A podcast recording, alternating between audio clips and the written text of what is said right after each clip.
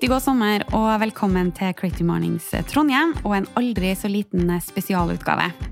Mitt navn er Katrine Vik Pedersen, og denne gangen har jeg tatt turen til Lydsporet Media i Jarleveien for å lage vår aller første studiopodkast.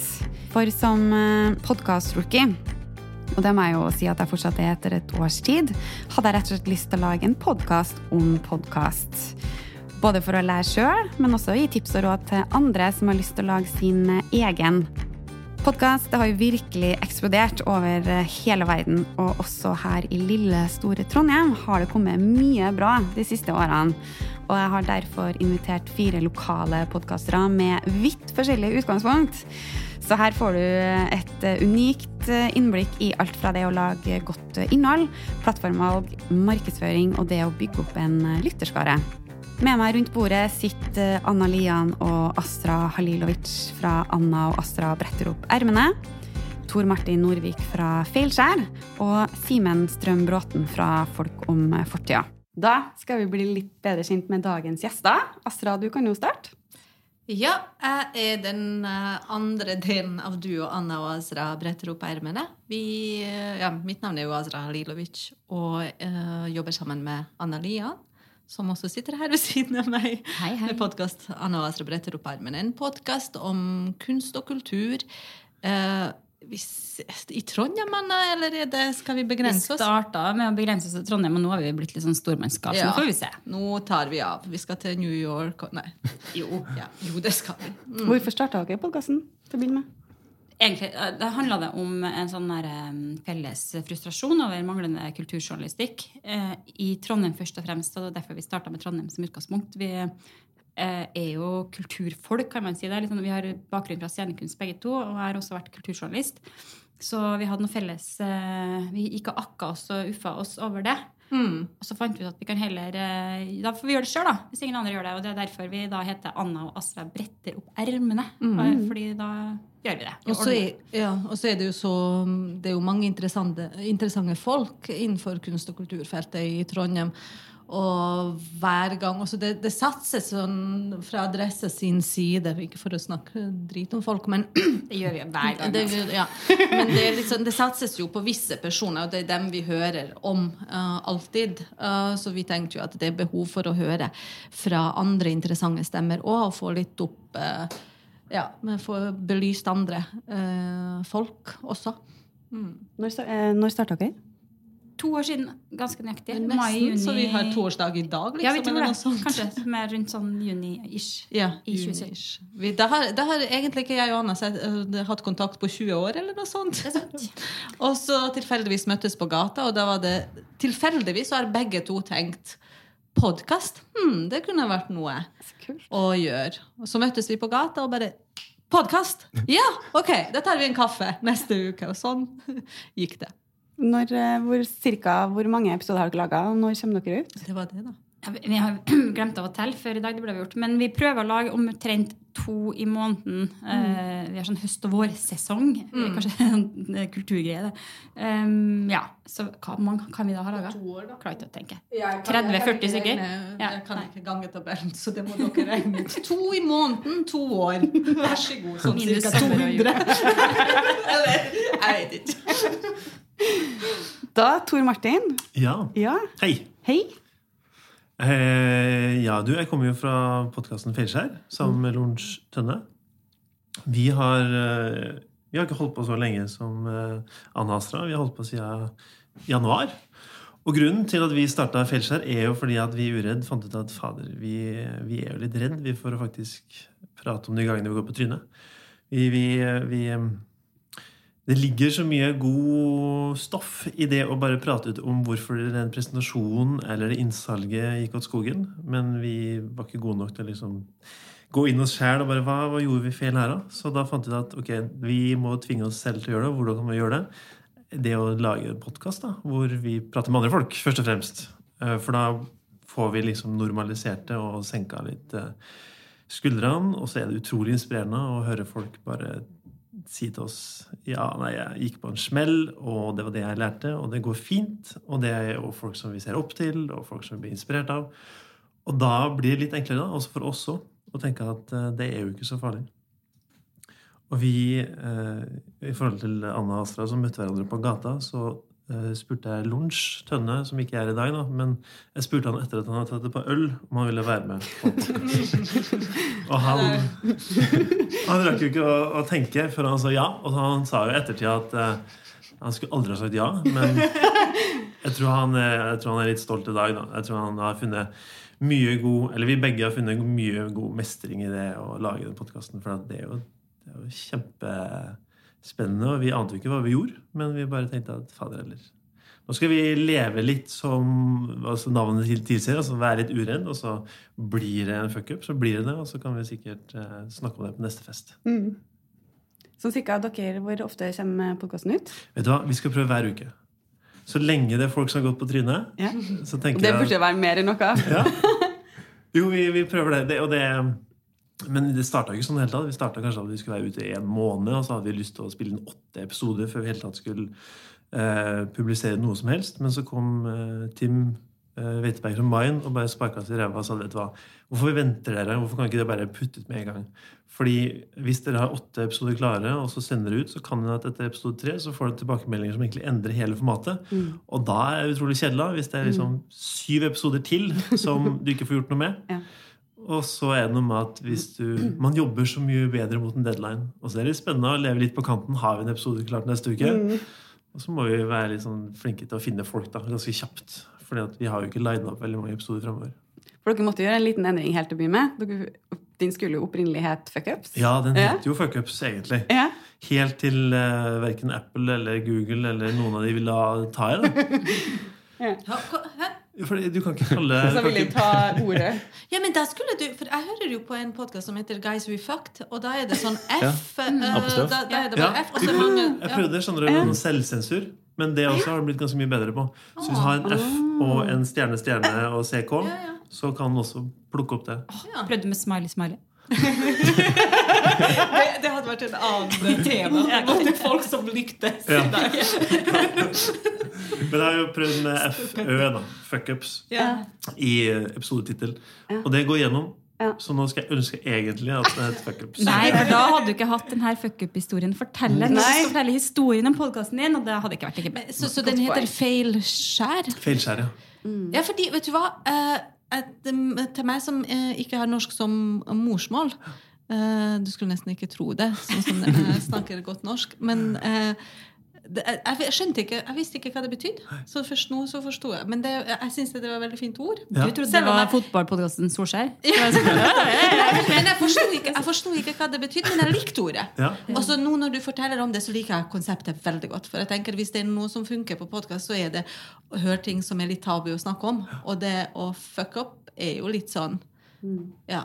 Jeg håper at dere snakker også med folk som er midt i det òg. som ikke sånn som har på en måte fucked up, og så har de kommet ut av det. Men liksom, mens de fucker opp, så er vi der og snakker med dem. Ja, men det er det vanskeligste. Ja. Noen, eh, noen har her og sagt at nei, det er for tidlig å prate om, men vi kan Ja. prate om liksom gamle skjelett. Ja. Og så er det noen som er veldig åpne, som bare eh, både på og mikrofon, av mikrofon bare sier de verste tinga, og så må vi finne ut ok, det her eh, Litt for å skåne de som er her også, så kan det jo ikke Alt kan jo ikke få lov til å komme ut. For at man blir jo litt sånn Når du sitter foran en mikrofon og man drikker kaffe, og det er hyggelig, så begynner man å prate, og så glemmer man kanskje litt at Det ja, skal ut, og ja. folk skal høre det. Nå foregriper jeg sikkert og tar litt overstyringa. jeg, Det her blir annet å snakke Det her med Ja, men det, jeg synes eh, det her er jo så interessant med liksom presseetikken i det å lage podkast. fordi at vi, mange av oss er jo ikke journalister, egentlig, eller noen av oss er jo det, men vi er ikke lenger bundet av den samme Vær varsom-plakaten.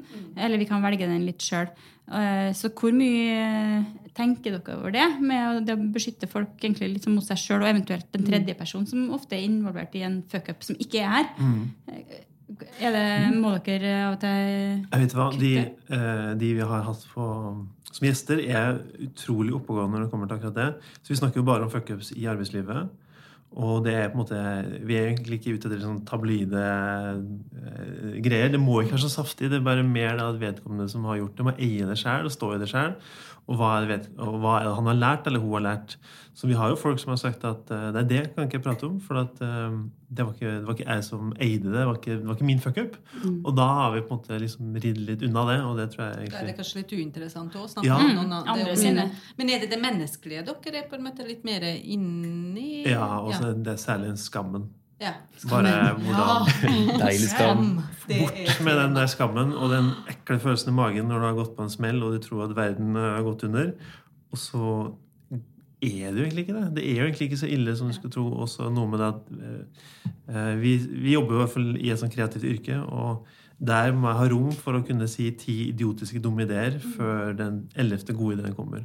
Og da må vi ha såpass åpenhet med hverandre at det er lov å si teite ting. Det er lov å gjøre dumme ting for at man skal komme dit at det kommer til å bli dritbra.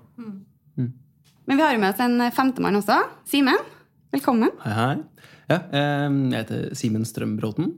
Så, så har jeg podkasten Folk om fortida. Jeg snakker med eldre folk om stort og smått. Så det kan være alt fra hvordan eh, barndomshjemmet deres så ut, både når de går gjennom fra, fra rom til rom og prøver å beskrive det, så du kan se litt sånn forskjellen i samfunnet der og da. Eller det kan bare være eh, Jeg husker jeg, jeg sammenligna det å som møter kjærligheten på Tinder med en eh, kar som snakka om dansen på bygda. Og det var liksom en major som hadde vært høyt oppe i Forsvaret. Og vi hadde snakka lenge om hans på at sånn, det han driver med i Forsvaret. Og veldig sånn hard type, egentlig. Så det var veldig artig å bare komme ned på kjærlighetsnivå med han der. Ja. Så det var kjempefint. Kult. Ja. Hvor lenge, Når starta du podkasten? Jeg starta opp eh, rundt nyttår i fjor, så jeg holdt på i halvannet år cirka. Så um, jeg hadde nok kanskje en litt annen inngang, eller ja, litt som dere kanskje, hvor jeg, jeg hadde bare lyst til å lage en podkast, egentlig. Bare, jeg syns det er et kjempespennende format. Og så ringte jeg en person som jeg pleier å ringe når jeg er litt sånn i tvil på ting. Så jeg ringte hjem til mutter'n. Så sa jeg bare, jeg spurte om du, hva, har du noen forslag til hva jeg kan eh, prate om, hva jeg kan lage en podkast om. Og så sier bare han ja, men Simen, du, du er så god til å snakke med eldre folk. Hva, hva, med dem? Eh, og jeg vet ikke helt sånn som med dere, men som regel så har man bare fire besteforeldre i sin omgangskrets. Men utover det så er det ikke noen flere eldre folk som du egentlig omgås med. Så da blir det veldig sånn Det er en del av befolkninga som man egentlig aldri snakker du mer med da, etter de er borte. Men alderdom er også en slags tabu.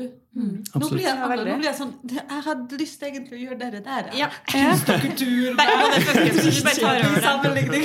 Drit i det. Ja, herlighet. Gamle kunstnere. Altså. Vi, vi skulle jo ha med Bleken. Ja, vi Og kunstnere som feiler. Det, å, Men vi har jo alle gjester, så vi er jo vant til å intervjue andre. Så det er jo eh, spennende å få et sånn blikk fra, fra den andre sida også.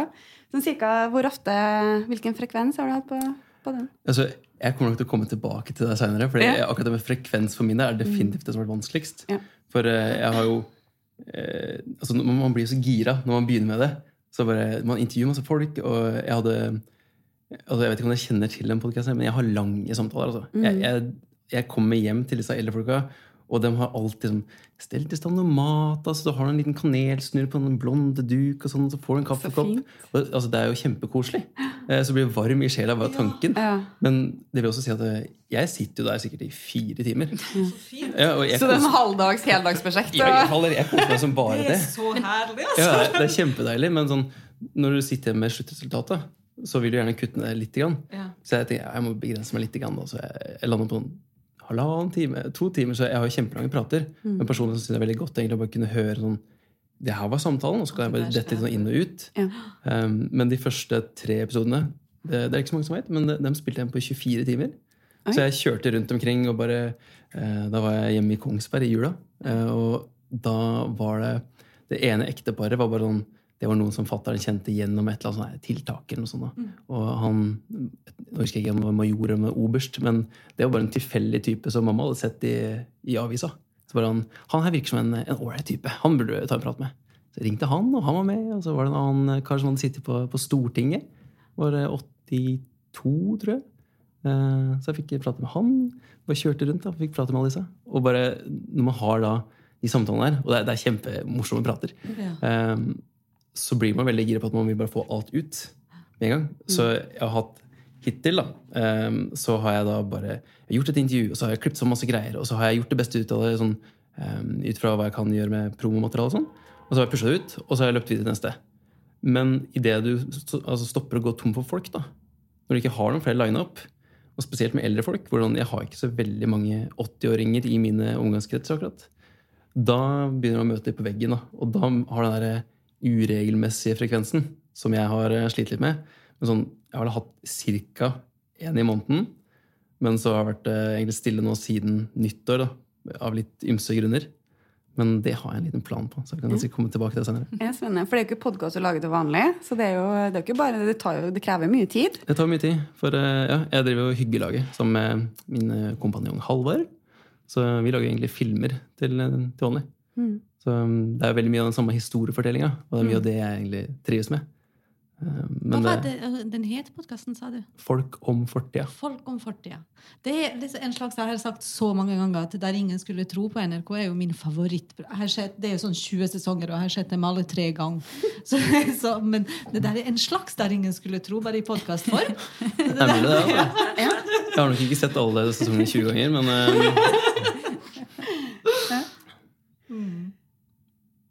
I forhold til ta litt sånn eh, produksjonsmessig, da. eh, Litt av eh, hensikten med denne podkasten her var jo også å gi litt tips til andre. Bare litt sånn hvor, Hvordan gjør dere det, Anna og Astra? Hvor er, hvilken plattform bruker dere, og Ja. hvor er dere gir ut podkasten? Nå skal vi begynne å snakke med en stemme. Skal vi ha med en stemme?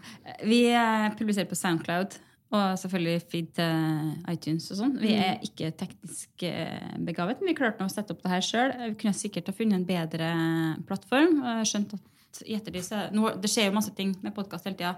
Nå kommer jo Apple Det lager jo en ny sånn altså De kutter jo iTunes, vet Ja. du noe med det? Og ja, deler. Så vi får nå se hva det ender opp med. Vi eh, er bare fornøyd med å få det ut akkurat nå. Ja. Ja. Jeg, jeg, jeg kan jo i hvert fall ikke noe om det, men det, det er litt sånn eh, Jeg har jo tenkt at hvis man setter eh, for min del, hvis jeg hadde satt veldig sånn høye krav, og at jeg må kunne alt om det tekniske, så hadde jeg jo aldri gjort det.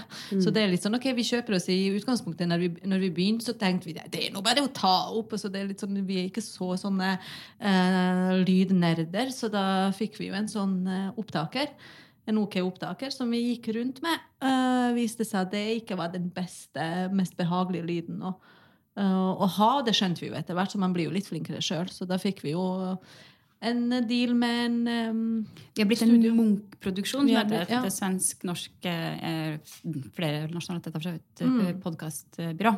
Så nå spiller vi inn i studio stort sett, men av og til, når vi, for vi har jo gjester, så Mm. tar vi fortsatt med oss denne handy-recorden vår. For vi må kunne flytte oss. Det er ikke alltid gjestene våre har mulighet til å komme til oss. Da- Jeg vet ikke hva du syns om det, Anna, men jeg, altså, det å være på en måte Det å kunne gå, det å kunne på en måte komme hjem til folk og ta det andre steder og sånt, det, det, det i hvert fall gjør noe For meg så er det en fordel. En sla, men samtidig det virkelig å ha god lyd og, ha, og sette, sitte i en studio og ha det litt mer under Det har sine fordeler, det også. Så det er litt sånn, det er nesten så jeg skulle ønske at Um, at man kunne gjort eller det, det vi gjør, som du sier, gjør begge deler. For visse folk er det jo best å snakke med hjem til dem du får den beste samtalen. Samtalen, Det er litt- samtalen blir klart bedre. eh, Det tekniske blir litt dårligere. Men vi, har, vi kikker tida på nye løsninger for å gjøre det der. Og nå tenkte jeg ikke å si det der, så nå skal vi kanskje teste ut noen ny trøndersk teknologi som er kjempehemmelig. Men noen mikrofoner og greier og sånn som vi kan ta med oss. Kan ikke si noe. Jeg, jeg Fantastisk. jo, så eh, eh, Ja, hva er det egentlig? Liksom det, det, du, sa, du sa jo det her er litt sånn tips til andre som ønsker og, altså, jeg, jeg tenker jo at før, før den dagen da jeg møttes, så, tenk, så begynte jeg jo å Så høre virka hadde ikke livet noen mening. Nei, nettopp. Men jeg drev jo, jeg hørte jo på en av de første podkaster jeg hørte, er jo Serial, som veldig mange andre òg. Eh, som er en sånn krimgreie. og da, og I utgangspunktet så var jeg ikke en sånn radioperson, som det heter. at jeg har hørt så mye på radio og sånt. Det er jo noen sånne intellektuelle som er veldig, de bare hører på radio, ikke ser på TV og sånt. Men det var jo ikke meg, så jeg eh, var ikke inne i den verden før jeg hørte på Serial og ble skikkelig hekta. Og da begynte jeg å høre eh, på andre podkaster, og, og cocky som meg, så var jeg sånn Det her kunne jeg fått til! Jeg kan jo prate. Jeg vil jo prate. Jeg har meninger om alt mulig rart. Så jeg tenkte at det virka lett. Ja. Så derfor, når jeg møtte på Anna, bare sånn Jeg kan prate! Ja. Uh, og det var nå for så vidt greit. å prate, men det var mye vanskeligere enn også det, skal jo på no det er én ting at det er interessant for meg å høre min stemme. Og så er det interessant for meg å høre noen andre også snakke. Jeg blir jo, jeg er jo nysgjerrig på folk. Men skal det være interessant, du må jo på en måte etter hvert tenke. Så det, jeg vet ikke, jeg tror ikke jeg har blitt så god på det enda. Det der å tenke. Hvordan er det her for lytterne? Eh, og der har eh, så, så på en måte det, det, eh, jeg, jeg har oppdaga at det er vanskeligere enn det jeg trodde. da. Eh, og jeg har jo slutta, eksempel, og det var jo bare første gangen at jeg hørte, hørte litt på de episoder vi har laga. Hver gang så ender det med at jeg ligger i fosterstillinga etter eh, Det er helt sant! Spør Anna. Det er liksom det, det etter eh, hver samtale så er det først Hei, far, det, gikk- det her gikk jo kjempebra! Å, det her var bra episode! Så går det liksom ti minutter, så er det sånn Hæ? Hva sa jeg? Seriøst? Så jeg må bare med Apropos skammen. eh, jeg, det er en veldig bra på en måte For meg så er det her en sånn prosess. Livs, livsviktig prosess. Der det er bare sånn OK, hvis jeg skal virkelig på en måte forholde meg til det, eller tro at jeg ikke kommer til å skjemmes eller ikke kommer til å si dumme ting, eller noe sånt, så kan jeg bare drite i å gjøre det. For det kommer ikke til å skje. Jeg må akseptere at etter hver gang så er det fosterstilling, så er det grining, så er det ah, så, nå tar, snakker vi lenge på en gang her, men det, det som jeg tror er viktig å si, er at for vår del så tar vi en del sjanser, og Astrid, du tar mer sjanser enn meg. For vi har jo funnet Ikke med vilje. Nei, ikke med vilje, men det har blitt en dynamikk, fordi jeg er litt sånn redd for, litt konfliktsky og liksom tar det litt ned. Og du kjører på, også med risiko for din egen eh, altså Du er jo også scenekunstner og, og, og tør jo å gå ganske hardt ut mot uh, både mennesker og felt. Så det er jo en grunn til at du ligger i fosterstilling mer enn jeg gjør. Uh, men det gjør, Så du gjør har en grunn til Nei, men tenker, uten den risikoen da, så, så hadde jo, det gjør jo veldig mye for, eh, for det vi holder på med. Ja. Eh, At vi tør å gå mot den eh, kanten og prøve ikke å gå over den. Og det føler jeg ikke at vi har gjort heller. Har gått Nei. over, men, jeg, men det skal koste litt, da. Ja. Så det er litt sånn tips. Ta sjans, og regn med at eh, det ikke blir bare 'ho, så flink jeg er'. Ja, det er et godt poeng, da, for altså, det er veldig fristende hvis du har em, gått på en eller annen smell om det er at eh, du har sagt noe du ikke ville ha sagt. Eller eh, jeg vet ikke med det, men jeg har definitivt hatt noen sånne opptaksfeil.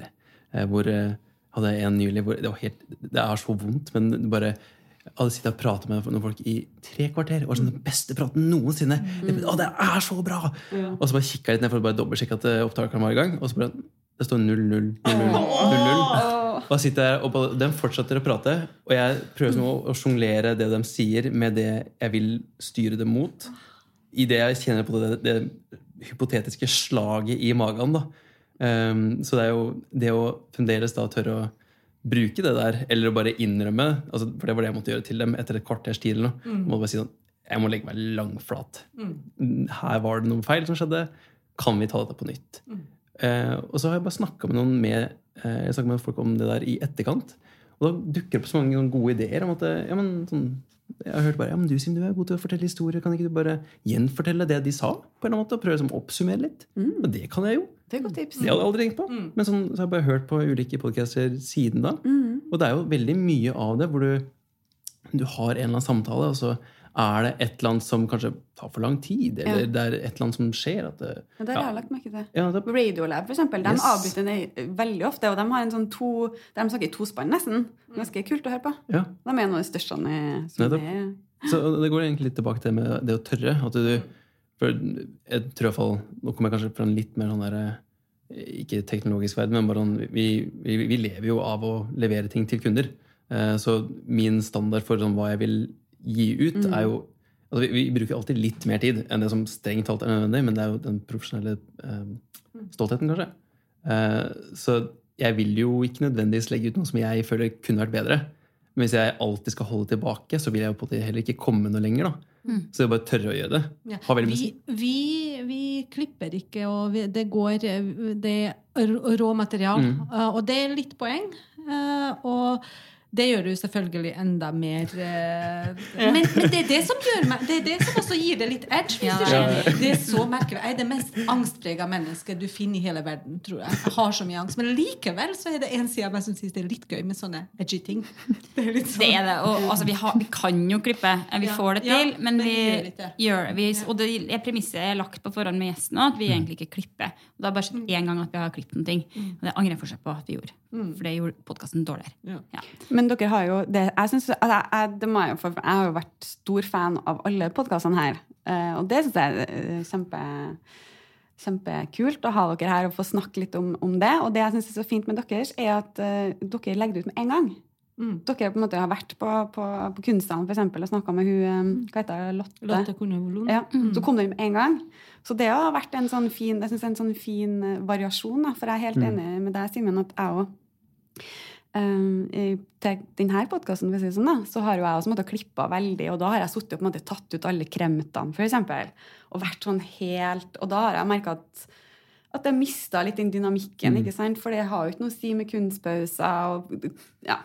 Så merka det jeg òg, at lista mi er lagt altfor høyt. da. Hvis jeg, skulle, hvis jeg skulle klippe noe, så er det den der latteren som kommer inn i Ja, det er så det, fint. det er så grusomt, altså. Men Nei, den er nå der, da. Og du kan merke liksom hvem av de personene Azra snakker med, er litt sånn Når du er starstruck, er det det du mener? Ja, når jeg er starstruck, liksom, så er det så mye. Og det, det skulle jeg ønske at vi Apropos kreft Ja, og sånne ting, tilbake akkurat det. I hvert fall det.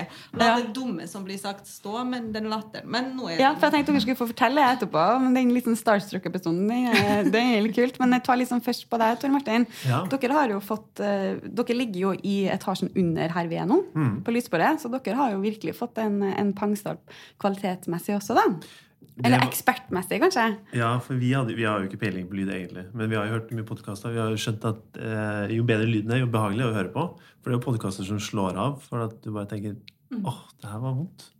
Og da er jo innholdet kan være kjempebra, det, men det er bare at det spraker og Så vi har jo heldigvis eh, Snorre Snorre Busch her i femte etasjen med lysbordet, som bare sa det at eh, Eller jeg vet ikke om jeg spurte han også, Fylle, men uh, Triks er å spørre folk når de har drukket. Jeg ser taktikken her, altså. Ja. Ja, ja, ja.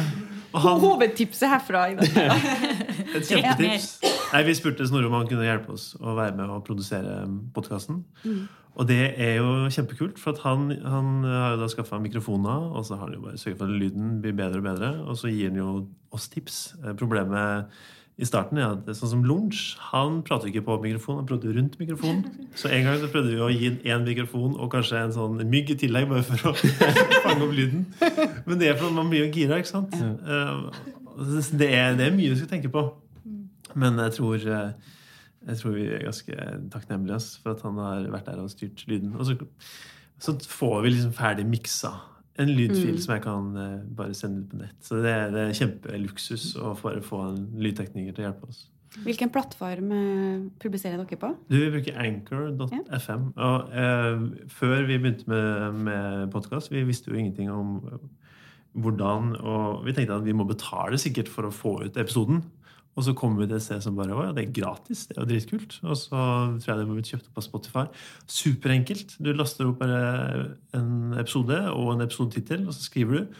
Og så blir den liksom bare dytta ut i alle mulige verdens eh, plattformer, liksom. Så det er super, eh, superbehagelig. Men Og- Gratis? Ja. Betaler du for å distribuere Gratis det? hosting? Ja, for det, det tenkte jeg også. Du, Ja. du ga jo meg tips i starten, Yes. og det er jeg kjempefornøyd. Så du, du hvilken plattform eh, Så jeg bruker Simplecast. Um, for jeg, jeg, var gjennom, jeg var innom en uh, tidligere. Uh, jeg husker ikke hva det heter, men det var noe tullete. Sånn hup et eller annet. Det, ja, Ord i seg sjøl var litt komisk. Men uh, så kom jeg over til Simplecast, og så har de gjort om hele plattformen sin. Der får du, Jeg betaler ni dollar i måneden, tror jeg det er. Um, men der får du også en hjemmeside. Ja. Altså med den ja, det er bare sånn trykk 'Yes, please. I would like website'. Um, og så har du en oversikt over alle episodene dine der. Og så driver de og um, altså det, det som er litt spennende med dem, da, er at de aktivt um, jobber med å utvikle bare verden for podkastere. Så de jobber for med en, en delfunksjon. Sånn at uh, Ja, for den tenkte jeg skulle sende. Veldig fin. Yes, eh, og den ligger vel også litt eller, Det er jo ikke noe som har blitt utbredt ennå. men sånn at en person som hører på, da kan som bare si ok, jeg vil dele den biten her av den podkasten. og så dele det videre. Men jeg tror ikke det egentlig er eh, Det har ikke nådd, eller det har som ikke kommet ut dit hvor de vil være ennå. Så det har ikke blitt sånn skikkelig lansert. Det er bare sånn betafase. Ja. Eh, Så nå er det mer sånn her Å, det der blir kult! Ja, det blir kjempebra. Det er ikke mer sånn det er kult. Ja. Men i etterkant da, så har det også eh, Det er en app som heter Overcast, som jeg bruker til å høre på podkast. Jeg vet ikke helt hva dere bruker. Men i den, så Jeg tror når du har oppnådd en eller annen sånn regelmessig frekvensstatus, eller noe sånt, nå, så kan du også dele direkte fra den appen til Instastories eller hva enn som er tilfellet. Det er Ja. fancy. Ja, Mm. veldig. Vi betaler også 9 dollar i måneden, men vi får ingenting. da. Nei, Så vi har tydeligvis den dårligste dealen. vi får legge ut på Vi liker å jobbe gratis. Ja. Men da, sjekk ut Anchor, for at det er Ja. ingen reklame. Og det er fryktelig enkel interface, og så får du ganske ok statistikk. Du får ikke vite hvor mange som har for eksempel, hørt halvparten og avslutta. Du får bare vite antall lyttere, og så får du vite hvilket land og sånne ting. Så det er superenkelt og intuitivt, og det kan godt hende en liten skrift at de eier alle podkastene. Jeg aner ikke. Men hvis, man skulle, hvis, man, hvis vi skulle flytte fra iTunes til en av de ja. SoundCloud. Ja, det, er, det er vel SoundCloud, en link. Mm. Men, men jeg tenker, hva med alle de episoder? Altså, nå er jeg sånn skikkelig sånn følger. De følger. Ja, Du Ta bare ny host, liksom. Ok. Du har en eh, såkalt RSS-link, så du tar bare Samme som går til iTunes, egentlig. Den samme liksom, greia. Altså Mm. en feed. Mm. Ja. Interessant. Ja, for det er jo egentlig fint å, fint å ta med, for man lager jo en Kan ikke du forklare Simen, bare sånn kort for hvordan det For det vet jeg veldig mange lurer på. Man må jo ha, bør i hvert fall ha en, en grafikk, bilde. Og så har man en metabeskrivelse om hver episode, og overordna. Og så går det på en feed. Ja, Har jeg forstått det riktig? Altså, jeg- Eh, som dere så sikkert har eh, lært, for det er veldig mye man må lære seg når man skal prøve å lage en podkast.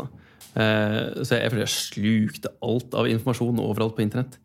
Eh, men sånn veldig kort fortalt, så for å kunne få podden din til øra til dem som hører på, så må du ha en, en sånn RSS-link. Du må ha en feed. altså Du må, ha en, eh, du må laste opp et sted, og så må det sendes videre til et annet sted. For, um, for eksempel for å få det til iTunes, så må du ta og bare kopiere inn en sånn link da, som du får eh, fra den plattformen som du bruker. Så nå bruker vi tre ulike, men vi får samme resultatet. Alle vi har en hver vår RSS-link, som det kalles. Eh, så bare limer du den inn på, eh, i iTunes, og så etter jeg tror det er tre dager eller noe, første gangen, så dukker den opp. Ja, men det er, vikt, det er, en, det er en, et viktig poeng, faktisk. For dem som ønsker å lansere på et spesielt tidspunkt. Yes. Bare vær klar over at det tar litt tid. For det, det bomma vi jo på når vi skulle slippe Creative Mornings-podkasten i forbindelse med jubileet vårt. Mm. sånn hel, altså, eh, eh, så det, så det merka vi at vi hadde liksom annonsert når vi skal ha den ut, og pang, pang, det er sendt ut liksom mail og alt det der. Og så bare Nå kommer vi ikke før på. Så det, det er et godt tips, da. Legge inn litt tid på publisering. Og det tar kanskje i hvert fall første gangen litt mer tid enn man tror. Og spesielt det med å på en måte skrive og Man skal jo på en måte kunne, kunne selge inn litt på forhånd også. Så, så jeg har jo takka deg, for at du ga virkelig meg en sånn eh, Jeg gikk jo til, til, til Simen når, når vi skal begynne, og sa sånn Hva gjør du? Altså, ja, det fins masse muligheter. Sånn som nei, hva gjør du? Jeg gjør sånn som du gjør, jeg. Ja, men det som er Det er litt, veldig fint. Uh, jeg har vært å tenke over det, at eh, for eksempel med, med Anchor eh, det at de, Nå er de kjøpt opp av Spotify, så det gjør det enklere. Men sånn som med deres, kanskje Jeg vet ikke om poden podden deres dukker opp på Spotify? Gjør den det? Jeg har ikke sjekka. Nei, men Jeg ser det hva vi bryr oss om.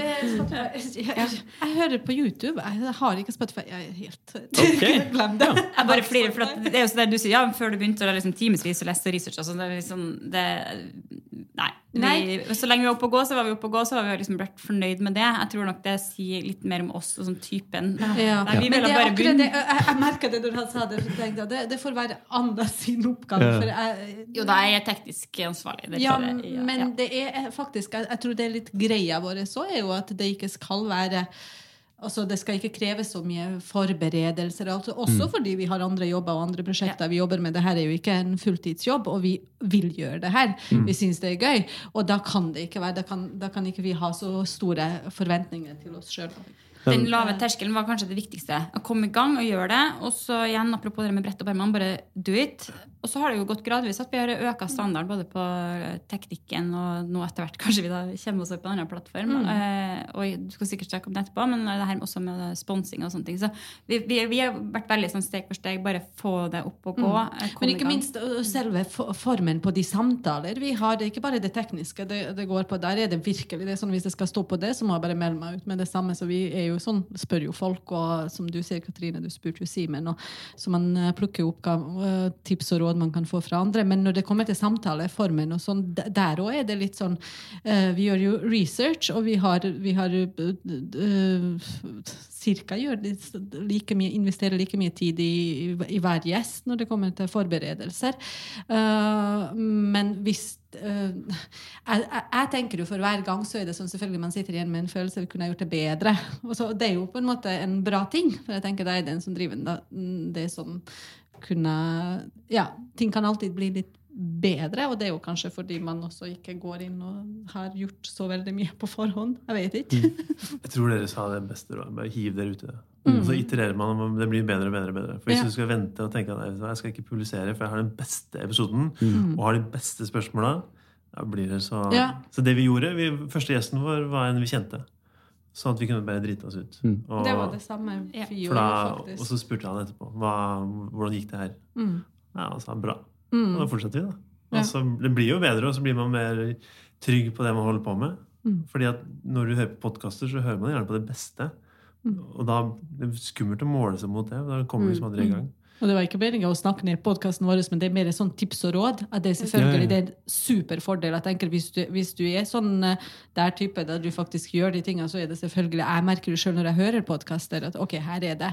Men samtidig, hvis man har en god idé og en interessant tema som bør på en måte høres på, så er det også en Det er fullt mulig å hive seg ut, ut i Ja. det òg. Ja, for jeg synes det er egentlig spennende å høre på. Altså, det, det du sier om på det innholdet om det at det, du må liksom komme i gang, jeg er veldig enig i det. For det er utvilsomt det viktigste. Eh, Det jeg bare merket var at når jeg, når jeg ble spurt av venner av meg hvor de kunne høre på podden, og de ikke hadde iPhone, så måtte jeg alltid komme på noen Nei, du, jeg veit ikke. Eh, og så hadde jeg en, en Bare for å kjøre kjapt gjennom der, for det er en app som heter Castbox, som er veldig sånn Android-vennlig. Men det er ingen, ingen fra liksom, iPhone-verden som bruker den. Så da måtte jeg laste opp episodene separat til Android-folka på Castbox. Og så fant jeg ut ok, hvis jeg bytter leverandør, hvis jeg gikk fra der Hipcast tror jeg det het, over til Simplecast, da kunne jeg plutselig få det ut på Spotify. Og da var det tilgjengelig for alle. Eh, og nå har jeg også fått det på Google Play. Samme Ja. greia. Bare Ja, legge inn en link. ja, Bare legge inn en link, ikke noe mer. Eh, jeg bare søkte opp Google Podcast, og så er det så fint. Men poenget med Spotify er at det, da, det går på tvers av plattformer.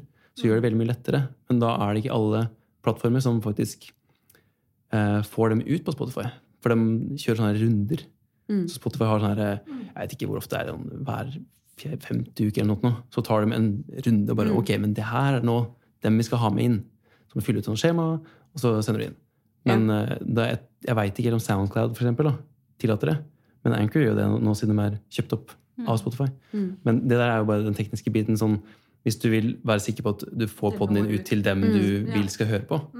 Eh, så du har vært litt heldig der med at Anchor bare Mm. tilfeldigvis har alle plattformene. Ja. For det, det er litt kjipt å måtte ekskludere hele Android-verden. Ja. Ja. Ah, Anna Atra var jo der, faktisk. For Ja. jeg hadde, eh, den er jo på den. Vi er på Android. Ja, Ja. det. Ja. Ja. Ja, på SoundCloud er jo og, um, og jeg var jo eh, heldig der også, for vi fikk jo på dagen etterpå Spotify. Så vi merka jo det at eh, eh, Og så er det, tror jeg, min far bruker jo ikke noen apper. Så der kan man jo rett og slett høre i nettleser også. Det er veldig fint med Simclass. Jeg vet ikke uh... Jo, det kan dere se. ja, ja SoundCloud kan jo det, kan sikkert det der òg. Og laste ned episodene lokalt, f.eks. Så det gjør, jo, det gjør jo pappa. Og da er det jo fint med den eh, nettsida der, da, som man har å vise til der. Men eh, så var det artig det du nevnte med, med lavterskelsbiten. For altså, og det tekniske det, det føler jeg man må, må ha, man må ha det på plass til en viss grad. Og så, Så kan man lære av noen som kan det. Det, ja. det bør ikke være det som skal sånn Ja, men jeg kan ikke det tekniske, Ja. så kan Det er alltid Ja. Det er ikke det som skal hindre deg å lage en ny podkast. Men det å faktisk finne ut hva er det minste du kan lage som gjør at du klarer å gjøre det jevnt og trutt over lengre tid, jeg føler det er utvilsomt det viktigste. Ja. Finn et tema som du gidder å prate om. Ja, Ja. Fordi du må ha lidenskap. Og visit.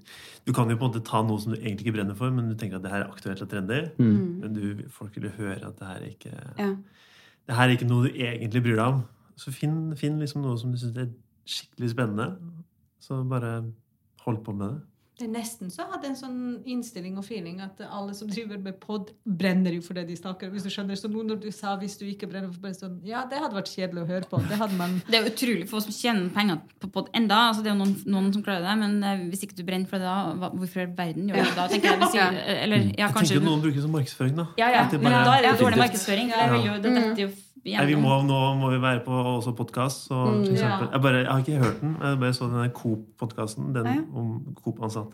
Sånn En slags intern podkast som var på nytt og spennende. Man tenker, Det er helt vilt, men det kan godt hende det er kjempebra. Men det er jo, det er jo, det er jo sykt mange podkaster som dukker opp hver uke. Sant. Og det er jo, noen kaster seg på fordi at man tror man bør det. For å være liksom, det er viktig å være synlig på plattformen der. Men det er bare det er å klare å skille mellom de som gjør det fordi de har noe å formidle, kontra de som gjør det fordi de tenker at det, er- det er der vi skal hente inn nye kunder. da.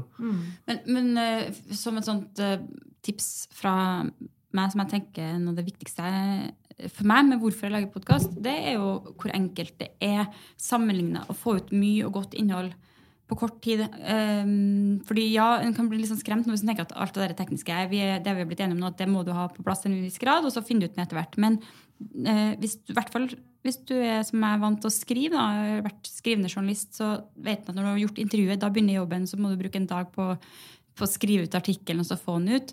Mens med podkast er det deilig at du bare, i hvert fall for oss som ikke redigerer, da, eh, få det ut fort. Det er en måte å produsere innhold på som er veldig effektiv.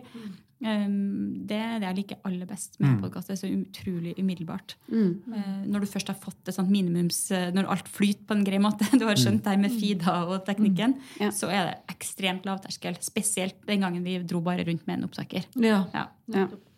Skal du prøve å spørre Snorre etterpå i forhold til det med Ja. klipping? Altså Hvor mye tid bruker han egentlig på hver episode? Ja.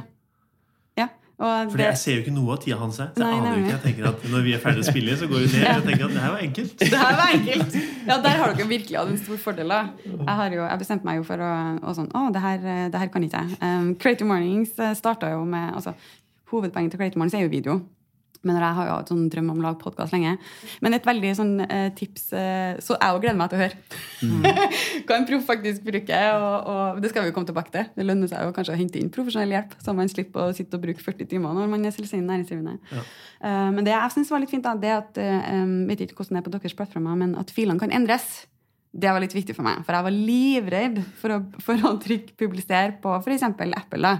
Og så bare sånn Å, shit. I hvert fall når man eh, Sant? Um, legger lista litt høyt og, og alt det der. Men, men det syns jeg er veldig fint. da. Og du kan bytte filer, rett og slett. da. Ja. Hvis det er noe du hører som ble helt feil. Eller... Og så behold altså, at det blir, Alt Hvis det du har fått yttertall på den første, så Ja. vil det bare legges på. Å Ja, for Ja. det tror ikke jeg vi kan. dere kan, hvis dere oppgraderer til SoundCloud Pro, tror jeg. Vi har Pro. For- Har dere det? Pro tar, tar Ja, Men men, da jo- kan dere det. Det Da, ja, ja, men da kan dere det. Vi, jeg bruker det til, i en annen sammenheng også. Så Ok. det, ja, Der lærte vi noe nytt. ja. Der lærte vi noe nytt. Så du kan jo erstatte Men vi vet ikke hvordan vi gjør det, så det blir jo aldri gjort. Altså. ja. Vi er litt late òg når det kommer til stykket. Men, men det, er sånn, det er også et sånn lite insight-tips i forhold til at det, det, det, det er mulig, da. Så du trenger ikke å på en måte Nå er det på interurban forever. Eh, men det er jo litt sånn eh, fin eh, Så begynte du å snakke litt om det, Astra, i forhold til gjester. Hvilke typer mennesker er det dere har hatt med? Det er noe vi sier jo, det er kunst- og kulturpodkast, så det er jo folk som, som jobber inn, inn i det feltet. Så det har jo vært musikere, forfattere, teaterfolk, eh, en eh, kulturpolitiker. Også for det, det er et eller annet at vi er også interessert i eh, også veldig interessert i hvordan det her med kunst og kultur eh, er i Hvordan det er i sammenheng med samfunnet i dag. Og med den både politiske situasjonen og uh, for oss som mennesker i dag, og hva er det Alt av tema som på en måte berører oss, har jo I hvert fall det sånn jeg tenker, da. Det, det, det har jo en effekt på oss alle, og da, det, da diskuterer vi uh, forskjellige ting. Så det, er jo ehm, så i utgangspunktet kunst- og kulturpersonligheter, men både utøvende og folk som sitter eh, litt høyere oppe i systemet, for å si det sånn. Viktigst for oss at ikke vi er en sånn promoplass. Hvis du har gitt ut Ja. en bok, sånn, så gidder vi ikke å snakke så veldig mye om den boka. Hvis vi, Det fordi at ja. det gjør du i andre kanaler. Det er greit, men vi ønsker at podkasten kan leve lenger. Jeg får faktisk mye feedback fra folk som hører på sånn ett år gamle episoder, og det funker egentlig greit. Fordi at vi heller prøver å sette inn i en litt større sammenheng. Som vi snakka med Rasmus Rode, eksempel, som uh, musiker, så vi, som også lager lager veldig mye musikk for barn, så snakka vi også mye om barndom, f.eks. En sånn større overbygning. Eller Kosmorama-Silje, som Det var jo like før Kosmorama, men vi snakka ikke veldig mye om årets festival. Men vi snakka om eh, Det var vel midt oppi metoo, så da hadde vi vel en del om det å være kulturleder og det å være kvinne. Og ja. Så vi setter alltid ting prøve da, å, å sette inn i en litt større sammenheng, og ikke snakke så mye om et produkt. Mm. Det er ikke en reklamekanal. Og det er mer en samtale. Det har vi også vært veldig opptatt av. Det er mer en samtale enn et intervju. Ja, det er et godt poeng. Eh, og det er en stor forskjell, og det er ofte gjestene våre litt uforberedt på, for de er vant til å bli intervjua, og de er vant til å svare cirka det samme hver gang, men så begynner plutselig Asra å mene noen ting.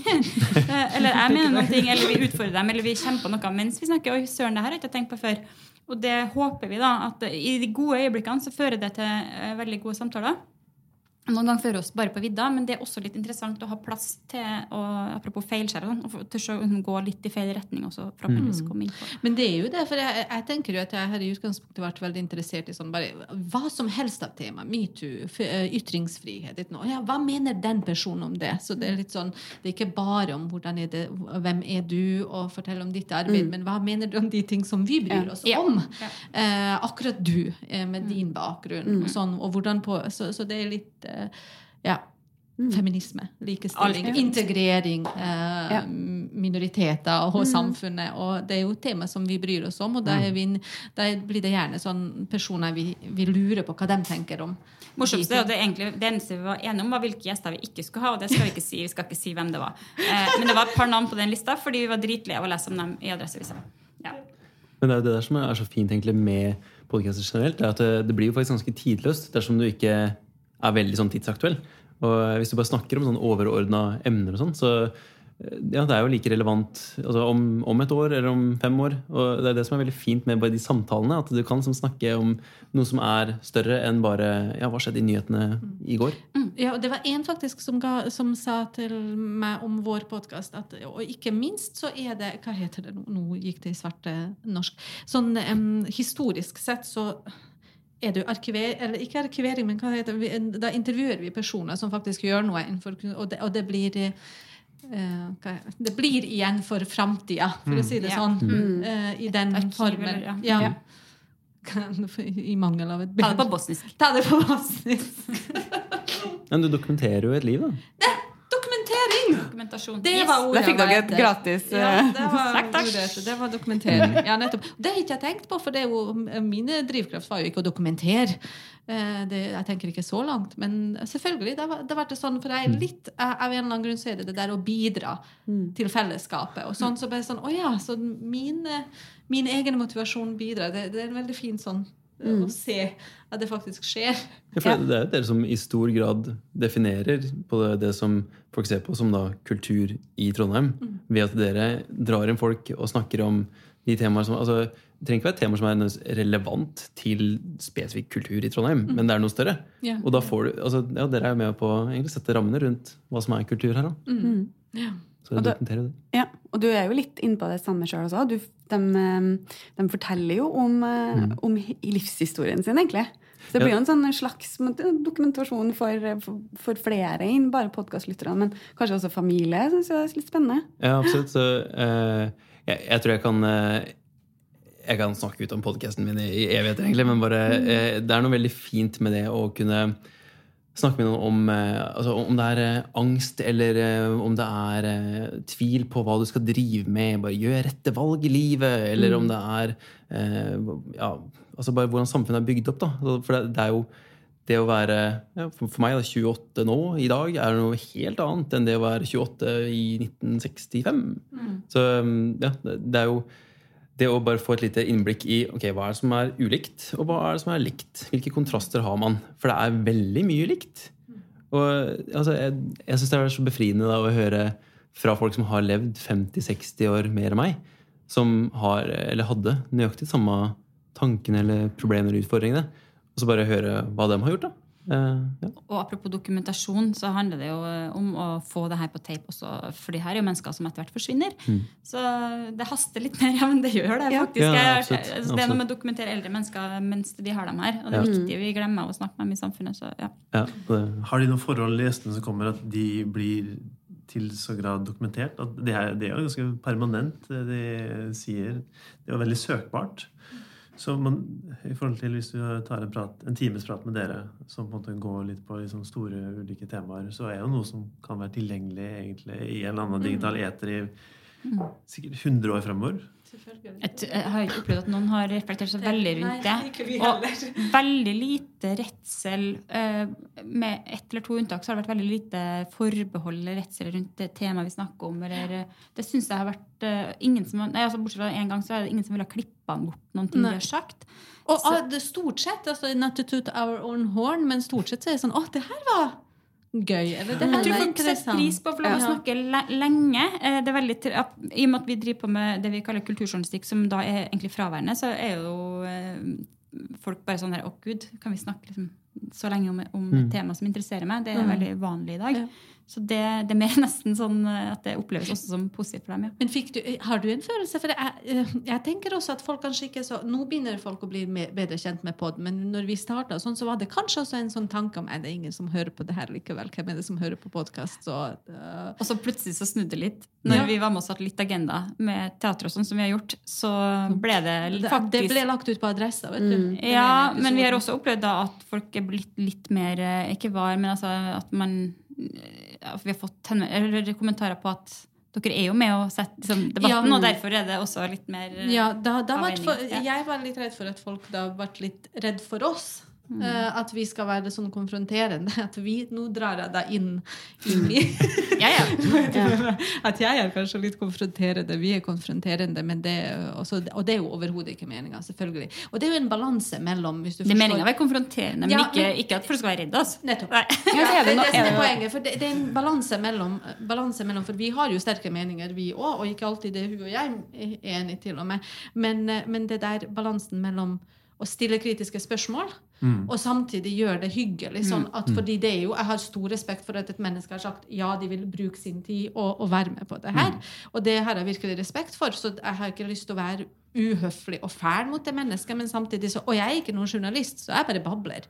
Så jeg vet ikke på en måte hvordan man skal eh, Så, så jeg ofte, så, som, sa- som jeg sa tidligere, ofte så hopper jeg spesielt i de kritiske spørsmålene. Sånn hopper jeg bare ut i det og bare spør, og så ser vi hva som skjer. Stort sett så går det bra. Stort sett så tar folk det. Og på forhånd så informerer ikke vi så Eller hvis det er noe veldig sånn og det her er, vi, vi vet at det her er veldig kritisk, vi er veldig kritiske til det her, og det her, da, da kan det hende at vi sier fra på forhånd vi vil snakke om det. Om den tema, det Ja. temaet. Ja. Så folk er forberedt på hva vi vil snakke om. Og det var jo Katja, for eksempel, som vi Katja hadde Lindberg. Hun var jo veldig forberedt. Ok, jeg kommer til å stille Katja Lindberg, ja, en kunstner. Teater, scenekunstner. Hun var jo forberedt. Jeg sa jo jeg kommer til å stille litt spørsmål eh, rundt visse ting, og da var det jo ja, bare kjør på. Så et eller annet hvis em, Som sagt, balansen mellom å, å kunne være kritisk og samtidig gjøre det litt Ja. varmt og Det- greit det må og være litt- ja. Ja. Men vil er gjerne liksom være, være, noe, være noe nytt òg. Det som er så fint rundt bordet her, da, er jo at der dere, for eksempel, Trond Martin, eh, det er jo veldig personlig. Mm. Det er jo, eh, jeg har jo vært med i, i en episode sjøl, Mm. og det er jo veldig sånn, der er det jo nesten deres rake motsetning, for dere forteller jo om, om kanskje fag, da. Og da blir det jo kanskje lett at man står mer for det, kanskje. For det, det er jo ikke vi kan, Som du sier, vi kan være revnende uenige, men jeg liker deg som menneske for det. Det er litt fint. Mens, eh, mens dere igjen, da, Tor Martin, hvordan, eh, hvordan har dere fått folk til å åpne seg og fortelle om sine feilskjær? Hva, Vi var litt sånn spente i starten om folk gidder folk det her, og syns folk det er morsomt. Fordi at sånn som når vi, vi prater jo minst mulig, vi. Vi bare Ja, hva har du gjort? Og hva skjedde? Og så stiller vi bare oppfølgingsspørsmål, og så er vi egentlig så lener vi oss tilbake og så tenker vi på det som indremedisin. Ja. Og så hører vi bare på historiene. Sikkert litt sånn som når du tar, snakker med de litt eldre også. Prøver liksom å ta altså. Minst mulig plass, egentlig. For det er jo deres historie, og det er noe med det at jeg skal jo ikke Jeg skal ikke gå inn og ta deres feilskjær og eh, iscenesette eller regissere det på en måte. De må jo få lov til å liksom fortelle som de selv vil. Men vi har jo eh, fordelen med eh, feilskjær at alle går på trynet, så vi kan jo invitere Gud hvermann. Og så ser vi jo det at noen trekker flere eh, se, ly, hva heter det? Ikke lyttere, jo lyttere enn andre. Så det er jo eh, det er å finne de som Hvis vi skal være liksom kyniske, så er det å prøve å plukke ut de som måtte ha en eller annen standing. De som er kjent, de som eh, har en eller annen fanskare. Fordi de, de, hjelper, de bidro jo veldig aktivt til Ja. det som vi skal komme inn på etterpå. da. Kanskje det mest utfordrende av alle. Promotering og markedsføring av det. Ja. Så det er klart at hvis man, der, eh, der er jo et godt poeng. på en måte, i hvert fall kanskje litt sånn, Hvis man skal eh, ikke noe være, liksom, være sensasjonell og på en måte den biten der, men eh, få, få hjelp, da. Men vi har, er vi har bestemt oss for at vi alle skal få lov til å være med på Feilskjær. Men vi skal krydre det med en annen litt kjentere person. uten at det skal, Vi skal ikke si at nei, nå skal vi bare ha kjendiser. Men det er fint å ha en annen, bare for å eh, dra inn folk. Eh, fordi da kan man dra inn folk med den kjendisen, og så kan de bli kjent med de andre folka som kanskje ikke er så kjente. Og så blir man mer kjent med liksom, konseptet Fjellskjær. Og så jeg tenker jeg, ja, det er den gode samtalen, og da trenger man egentlig ikke vite hvem vedkommende er. Det kan likevel være interessant. Jeg synes det er en veldig fin måte å vri på det. For altså, de eh, kjente folka er ikke nødvendigvis de som har de mest sånn fascinerende eller relaterbare historiene. Ikke det hele tatt. Eh, jeg merker egentlig ganske, jeg merker i stor grad med de folka jeg snakker med sjøl, at i de tilfellene hvor jeg snakker med ektepar, hvor du har det har mann og det har kona gjerne, og i et eh, tilfelle som kommer litt seinere, så blir det mannen og mannen. Eh, og det er veldig fint. Eh, for da har du liksom, du har denne, de utfyller hverandre. Ja, det er veldig fint. vet du. Jeg elsker noen av episodene der, eh, der de sitter og følger opp hverandre. Ja. Og et gammelt ektepar. Ja, Ja, det er stor inspirasjon. Ja, det er nydelig, men bare da, det, det er jo folk som Du ville ikke plassert dem i en bås. Så eh, jeg begynte å tenke på om, om det var noen episoder av det her som egentlig jeg hadde som en tydelig favoritt. Eh, og om det er en sånn rød tråd mellom folk jeg både har snakka med og sånne type ting. Og det, er lett å, å, plassere for han, han majoren eller obersten eller hva han var, i, i en bås. Det var en tittel som han relaterte seg til.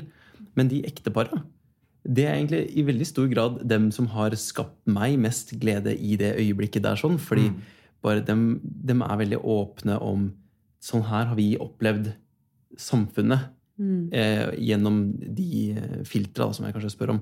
Om det er, eh, sånn, jeg spurte, Første episoden faktisk, så spurte jeg han 91 år gamle Aslak om hva i huset de egentlig dreiv med under krigen. For etter klokka sju så var det blending, og da var, bare, det mørkt. Måtte, ja, ikke noe lys skulle synes ut. Hva gjør du da? Og så begynte han å snakke om nei, da spilte vi kort, da. Spilte kort.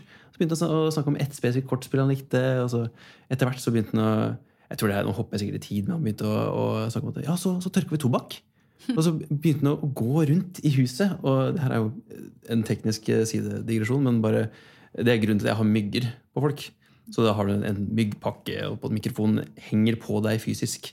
Fordi eh, en eldre person bryr seg ikke særlig mye om hvilken side av mikrofonen du på det er på. Den mikrofonen må følge. Så han tusler av gårde og går rundt og plystrer. Og så hører bare sånn i det fjerne bare Og han går der og prøver å finne den tobakken fra 70-tallet. Eh, og så hører han sånn «Ah, Jeg tror ikke den var her. Altså. Jeg finner den ikke helt. jeg». Det, det her er så nydelig. Men jeg kan ikke altså, For meg da så er det ikke noen veldig rød tråd gjennom de gjestene. Eh, men hadde jeg som intervjua Kåre Willoch, så ville han dratt inn flere folk til å høre historien til Bjørg og Aslak, som er på et langt mer sånn bakkenivå. Mens Kåre Willoch er sånn, han har en mer anerkjent historie, kanskje. Eh, ja. Der har du podkasten sin gode, eller podkast som, eh, som plattform som er veldig fin, med tanken på at eh, Jeg vet ikke om det er så veldig interessant for veldig mange å sitte med en 90-åring og snakke. Også det er sånn Man er jo opptatt med sitt og har sånt, men med podkast så kan du faktisk få eh, Da får du plutselig en verden som plutselig blir interessant, men ikke en del av din verden. Og da, ja.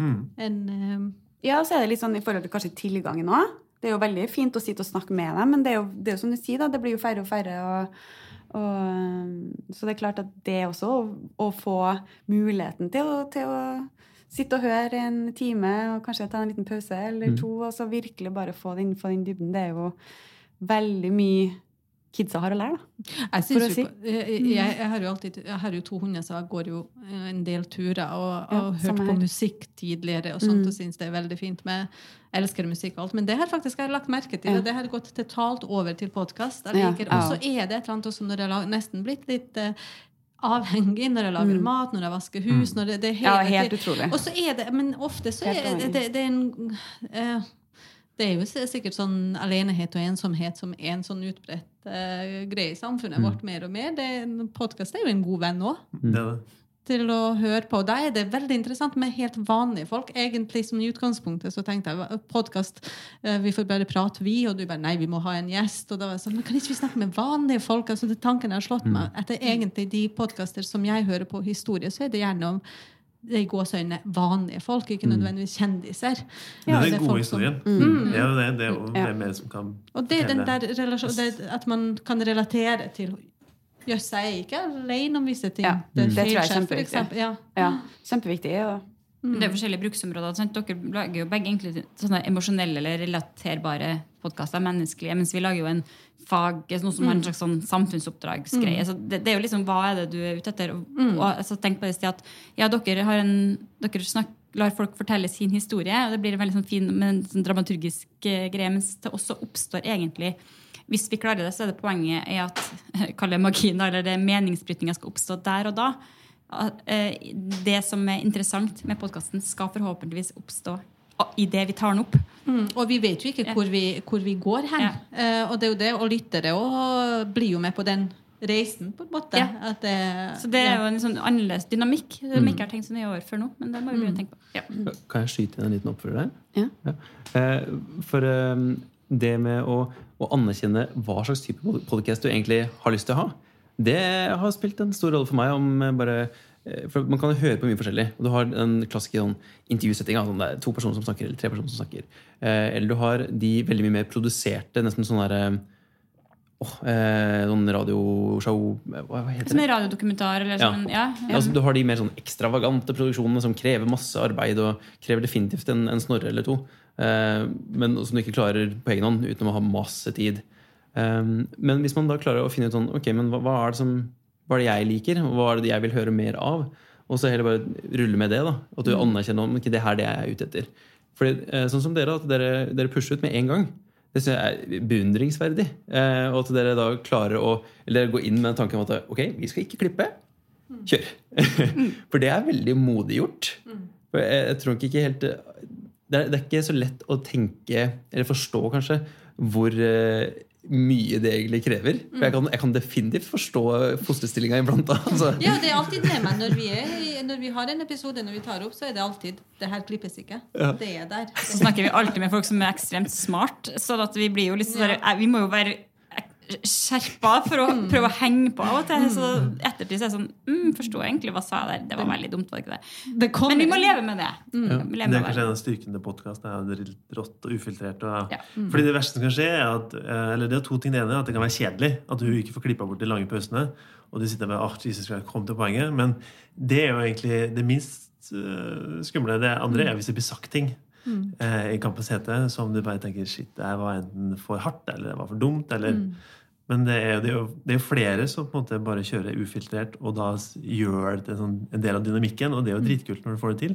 Men det er ganske krevende, for at da skal det være på hele tida. Og dere må på en måte hele tida liksom levere og det er, er Utrolig hvor mye man lærer mens man går òg. gjennom for hver episode så har man lært noe nytt. og tenker det skulle jeg hatt med meg, og så tar man det med seg til neste episode, og så har man klart det, men så har man i mellomtida lært noe nytt i denne episode. Så, så det er, det, man må være villig til å faktisk se på det som en i hvert fall sånn som vi gjør det, som en prosess òg, da. Men når dere la ut podkasten deres, hvilken kategori havner dere i? For dere skal jo på en måte Vi har ikke noen kategori som passer oss uh, ennå. Jeg, jeg, jeg klarer ikke å finne den. Vi er liksom ikke komedie, entertainment. eh, det, det, jeg husker ikke hva jeg kan velge mellom, men jeg har ikke funnet noen god sjanger. Vi Ja, havna men i selvhjelp. i. Ja, for det er Det var helt riktig. Det var, ja, ja, ja. Du vil kanskje ikke assosiere deg, men jo, jo. For vi var ikke, vi tenkte at ok, vi er kanskje ikke kule nok til å være underholdning. For det, det er jo Da følte jeg at okay, det, er, det, er- det er et stykke dit, da, for du skal liksom claime det. Men selvhjelp og indremedisin, ja, det kan vi liksom starte med. Mm. Jeg tror jeg havna Jeg fant en underkategori. Eh, så jeg gikk gjennom Jeg havna innom historie og sånn personal journal. Det var noe sånt Det, noe. var, ja, det er jo spot on, da. Ja. Ja. Ja. Uh, men uh, ja, jeg kjemper litt mot noen uventa folk uh, i, på den delen av iTunes spesielt. da. Så jeg føler ikke at det er så vel, altså det er jo historiebasert, for all del. Um, men eh, du har eh, en som heter Hardcore History, eksempel. Ja. eh, ja. Veldig bra. Og den er, kjempe, ja, men den er kjempebra. Det Ja, men virkelig det er, ja, den er fascinerende å høre på. Ja, den må Eh, da har du en som snakker om um, Genghis Khan. Genghis og Khan, ja. Lange greier. så um, veldig legger ut veldig ja, det er lange opphold mellom hver episode, men det er så mye arbeid som går ned hver sånn. Ja. En ting som jeg tenker på uh, når vi snakker om det her, er også på en måte hvordan For nå blir det Nå kommer jeg til å tenke på at det er så det er en jungel av podkaster ute der. Det er så mange, og Hvordan finner du fram sånn, sånn Jeg har jo ikke hørt om dere, så det vil jeg jo absolutt høre på. Det første jeg gjør, liksom går og abonnerer og så hører på de episoder. Hvordan å finne fram interessante podkaster, da. Det er jo litt eh, Ja, det er jo en Jeg føler ikke at man er eh, den podkastverdenen der, altså hvordan, hvordan, havner du på de riktige og, og, og, vi skriver jo litt tekst etter hver episode om hva episoden handler om, og det tror jeg er veldig viktig for, for at folk skal også gidde å, å, høre på det eller trykke på den episoden i den der store jungelen. Hvordan man catcher ja. hva er det egentlig den episoden her handler om, og så få ut mm. det viktigste for å få folk til å vil trykk på. Du må bygge et sånt økosystem rundt den også. Ja, for det, da er vi jo litt inn på det neste. egentlig en Veldig fin overgang til det med promotering og hva skal til for at folk legger merke til det. Mm. Og der er det jo Der må vi bare stjele hva andre har gjort, egentlig. For det mm. ene er jo podkasten i seg selv som et produkt, og så er det jo, som du sier, skrive et eller annet som gjør at sant, noe som teaser det. da, Et eller annet, et eller annet saftig clickbait-vennlig kontra en litt lengre tekst som sier kanskje mer hva det her er for noe. Og så må det jo enten på Facebook eller en nettside eller mm. Word.maf eller uh, det vi har uh, Vi har jo ikke holdt på så lenge, men det vi har skjønt at når vi har gjester, så de gjestene drar jo med seg sine folk. Så det å prøve å på en måte, Vi lager alltid en promofilm for per episode hvor hensikten egentlig er å fremsnakke vedkommende som er der, og bruke liksom hele filmen på å si eh, nå kommer den personen. Og, og, så har vi laga noen regler på hvordan vi skal lage de promofilmene. Vi skal kun bruke stokkfoto og kun bruke bilder fra vedkommendes egen Facebook-profil for å gjøre det enkelt og lettbeint og liksom eh, ja, litt morsomt. Ja, for det er, jo ikke, det er, jo ikke, bare en vanlig film. Fortell kort, Dere har jo brukt litt sånn grafikk og forskjellig. på en måte. Det er veldig kul laga, den promofilmen deres. Ja, det er jo kult at du sier det. Det, det er jo det er jo kun stokkfoto og bilder fra Facebook-feeden til han eller hun som er der. Så vi har på en måte lagd noen regler for hvordan det grafiske universet skal være. Og så har vi jo Comic Sans og Rosa, som vi også bruker. det fikk jeg helt sånn eh, Jeg måtte sende min egen mail og spørre du, er det Comic Sans, eller? Den mest hata fonten i hele verden. Og det er bare for liksom men det passer perfekt. Liksom bare, ja, det passer perfekt. orker ikke å tenke å nå skal jeg, nå skal jeg ha på en designerhatt her. Orker, orker bare ikke. For nå skal vi bare produsere det, og så skal det være gøy, og så skal jeg ikke tenke prestisje i det hele tatt. For så fort man skal lage prestisje, så kommer den her Men er det bra nok? Mm. Ja. Og du er, jo, du er jo kreativ leder. Du er jo kreativ leder uredd. Så det er lett å tenke at eh, Derfor syns jeg er veldig modig. Og man, man, man, trenger et eller annet, mm. sånn, et eller annet sted der, hvor du kan bare leke deg. Ja. Og der er jo Fjellsjef for oss. Det er jo et eksperiment, egentlig. Hvor vi kan ja, dra på trynet hele gjengen. Det med gjester, som du sier, og en, noe som kanskje har vært viktig for oss når det gjelder å bygge opp litt lyttertall, er jo å, å, ha gjester som også deler. Og vi merka jo når vi hadde Trøndelag Teater, eller vi hadde hatt noen teatersjefer som gjester, og når Trøndelag Teater deler, så hjelper det veldig på lyttertallene. Um, og vi sa jo til hverandre at vi skulle ikke ha noen kjendiser, husker jeg, tror jeg. Uh, uh, men så plutselig så oppdaga du at Thomas Seltzer bodde i byen. så er ingen her, Ja, ok. Eh, da, og han tok telefonen. Han tok telefonen, han sa ja.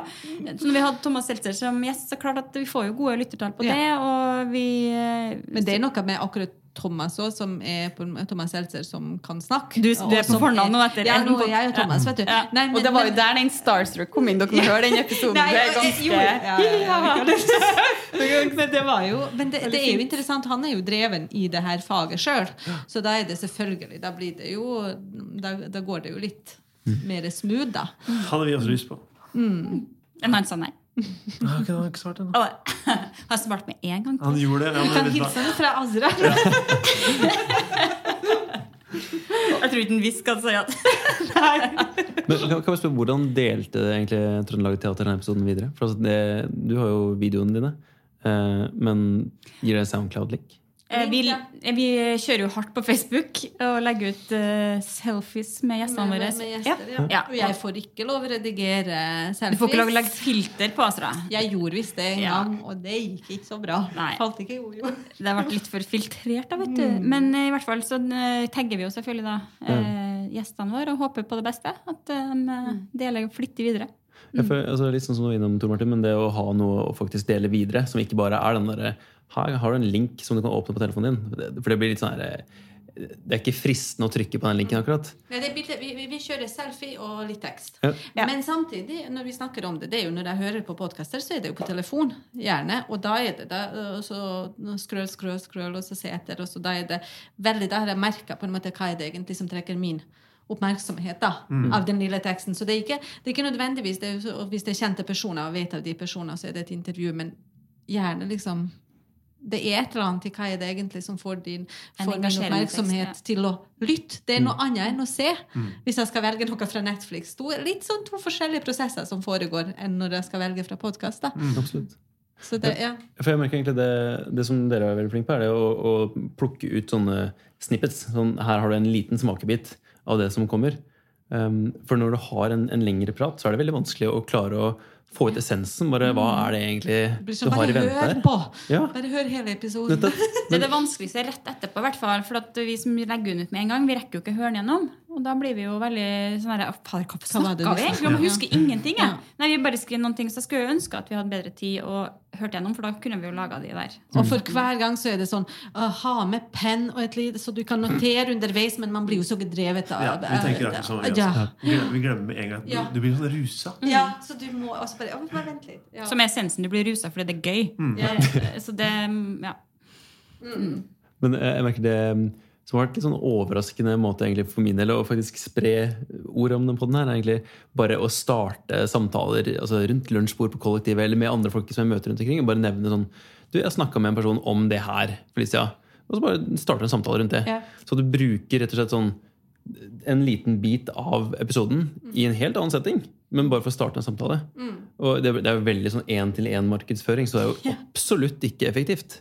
Men det er, det er absolutt dem som også får trofaste lyttere, for min del. da. Vi, vi, har jo, vi kjører jo en sånn, jeg vet ikke om det er helt men vi kjører jo en helt på slutten av hver episode.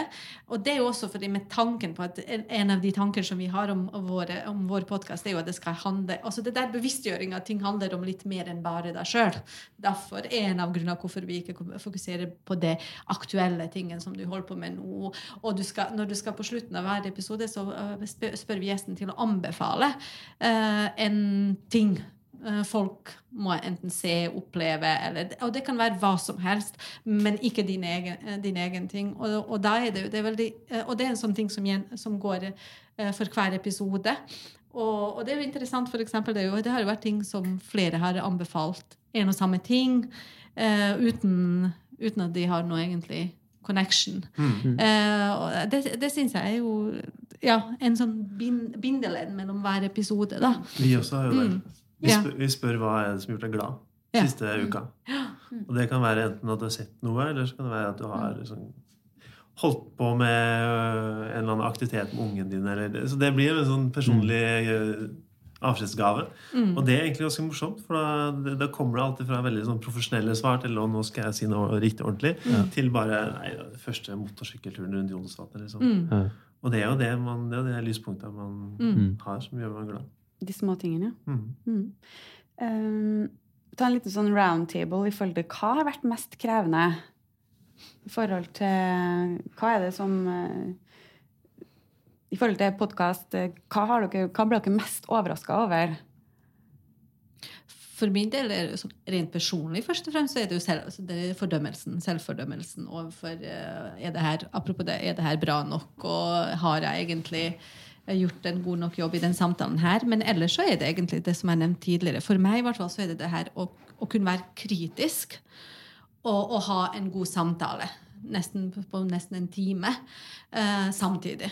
Og, og at det skal være både relevant og interessant eh, å, å høres på. Og det er, av en eller annen grunn så har vi, jeg tror at begge to har den der driven til at det her skal på en måte ha ha en betydning utover oss igjen.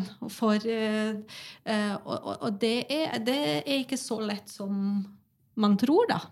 Så det er hele tida det, det arbeidet å se om det her er liksom, Hvordan oppfyller vi våre egne, våre egne krav når det kommer til det?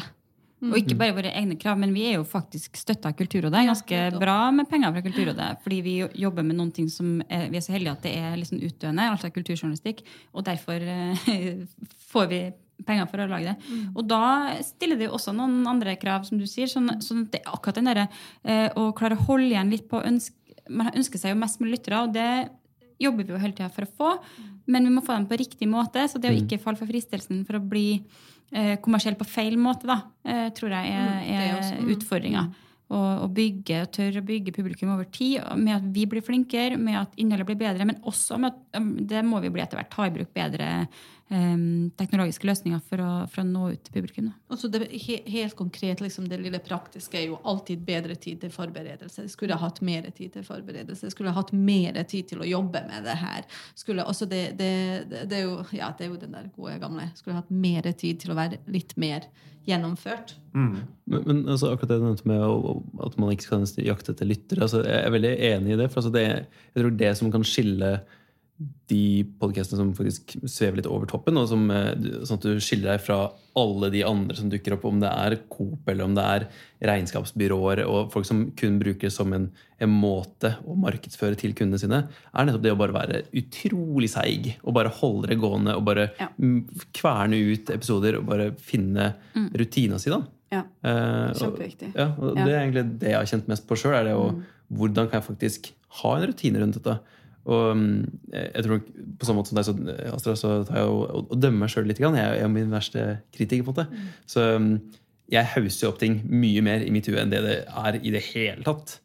Um, men det å klare å holde det gående og kunne legge ut noe, da, det, det er jo egentlig det viktigste. Mm. Så um, ja, jeg kan bare nevne noe smått, men sånn for min del, det, det som har kanskje vært største sånn der, mentale gjennombruddet nå med podcast-fronten, for nå har det vært stille en stund, er det at jeg, jeg lagde meg sånn her produksjonshjul, sånn årshjul. Ja. Bare for å vite sånn, ok, men nå skjer det, og da skjer det. Så eh, jeg møtte på noen litt sånne problem, eller utfordringer med at det var en gjest som bare ville gi seg, ville, ikke, ville, ville trekke seg fra podden, så da kunne jeg ikke bruke den episoden der. Um, så da på det innså jeg etter hvert sånn, ok, men da, får jeg da har jeg ikke lagt ut noe på så så lang tid. Nå har det gått som et halvt år eller noe, det føles litt ekkelt. Men eh, da tar jeg og flipper litt på det, og så tar jeg og legger all energien min i det å klare å ha en sesong klar til september. For da, nå jeg- driver jeg liner opp intervjuer etter intervjuer. Har et Ja. allerede, som jeg gleder meg veldig til å bare vise videre. Men å bare vite ok, men den dagen der, sånn, jeg tror det er september, 7. september, det er en lørdag eh, Litt sånn skummelt å snakke om, for det, her er første gang jeg har nevnt det høyt.